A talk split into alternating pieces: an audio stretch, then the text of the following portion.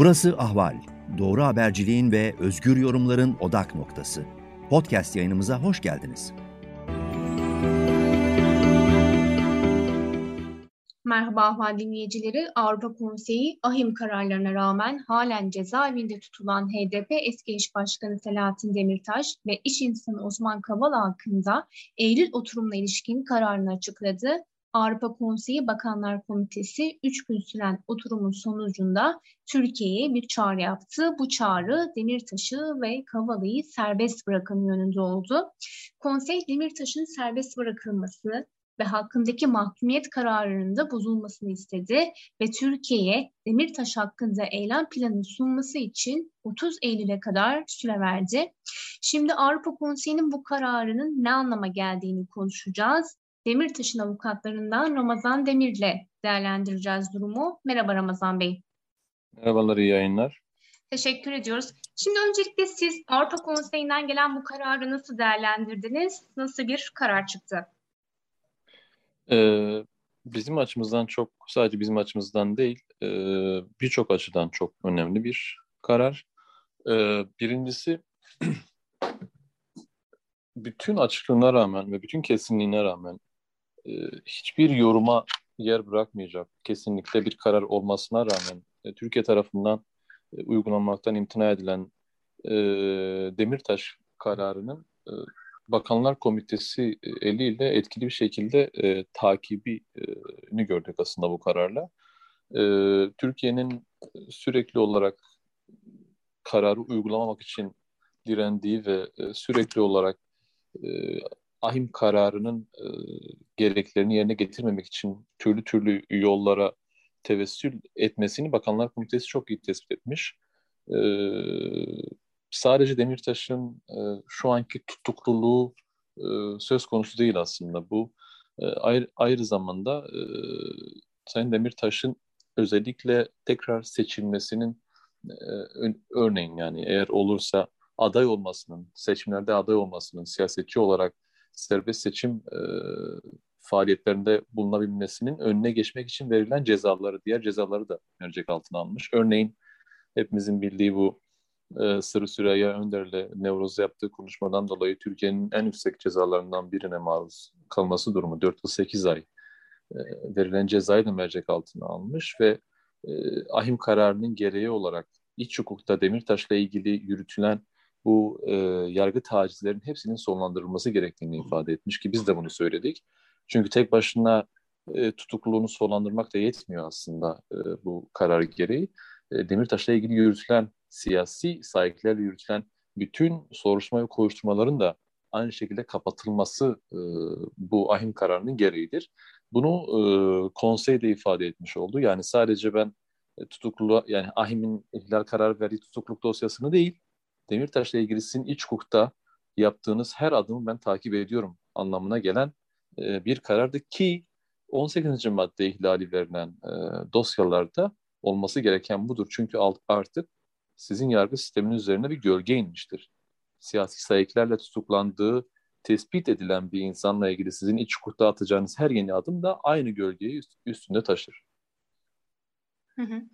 Peki e, bu süreçten sonra siz e, avukatları olarak nasıl e, harekete geçeceksiniz ve e, özellikle de e, Avrupa Konseyi'nin Türkiye'ye vermiş olduğu bir süre var eylem planı sunulması konusunda daha önce de süre vermişti. E, ancak bu süreye uyulmadığı gibi ve ek sürede talep etmediği gibi Türkiye'nin e, konsey buna rağmen e, Türkiye bu kez 30 Eylül'e kadar süre verdi. E, yaklaşık yani bir 13 günlük gibi bir süresi var Türkiye'nin önünde. Şimdi Türkiye'den bu anlamda Ankara'dan nasıl bir adım atılmasını bekliyorsunuz ve bundan sonra nasıl bir süreç işleyecek? Bundan birazcık bahsedebilir misiniz?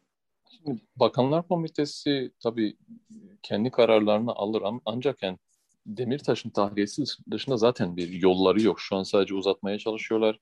Bu şekilde işte uluslararası mekanizmaların o hantallığından faydalanıp e, bir uzatmaya çalışıyorlar, geciktiriyorlar, oyalıyorlar ancak Bakanlar Komitesi de bunu görüyor yani tespit ediyor. Biz avukatlar olarak sadece şu süreçte zaten ikinci tutukluluğunun e, aynı başvurusunu da yaptık. Hatta savunmayı gönderdik dün.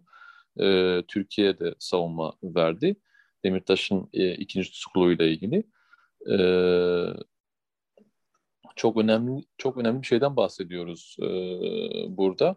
Bakanlar Komitesi kendisi süreyi uzattı ama eğer Türkiye 30 Eylül'e kadar bu ahim kararının gereklerini ne şekilde yerine getireceğini e, bildirmezse komitenin buna buna bir yaptırımı ya da buna, buna bir tasarrufu muhakkak olacaktır. Çünkü e, yol şey eylem plan dediğimiz şey aslında biraz şu.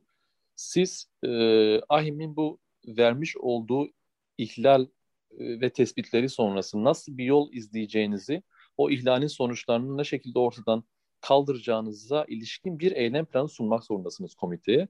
Şimdi bu haliyle Türkiye bu, bu planı sunmamış oluyor. Bu da kendisi açısından aslında çok çok e, hem gayri ciddi hem çok e, komitenin ve Avrupa Konseyi üyesi bir devlet olarak çok devlet ciddiyetiyle de bağdaşmayan bir durum. Düşünün yani sizden bir açıklama istiyor bir Avrupa Konseyi kurumu ve siz e, burada kulağınızın üstüne yatıyorsunuz. Komitenin buna muhakkak bir cevabı olacak. 30 Eylül'ü bekleyeceğiz bakalım ne nasıl bir eylem planı sunacak. Yani Demirtaş'ın e, tahliyesiyle ilgili Demirtaş'ın e, tutukluğuyla ilgili verilen bu kararı uygulamama bahanesi olarak e, ne sunacaklar e, biz de göreceğiz. Ancak e, dediğim gibi yani komite zaten her adımı takip ediyor. Biz de avukatları olarak her adım bildiriyoruz zaten. İç hukukta onunla ilgili yapılan her tasarrufu biz de komiteye bildiriyoruz. Zaten bu kararlar da öyle çıkıyor.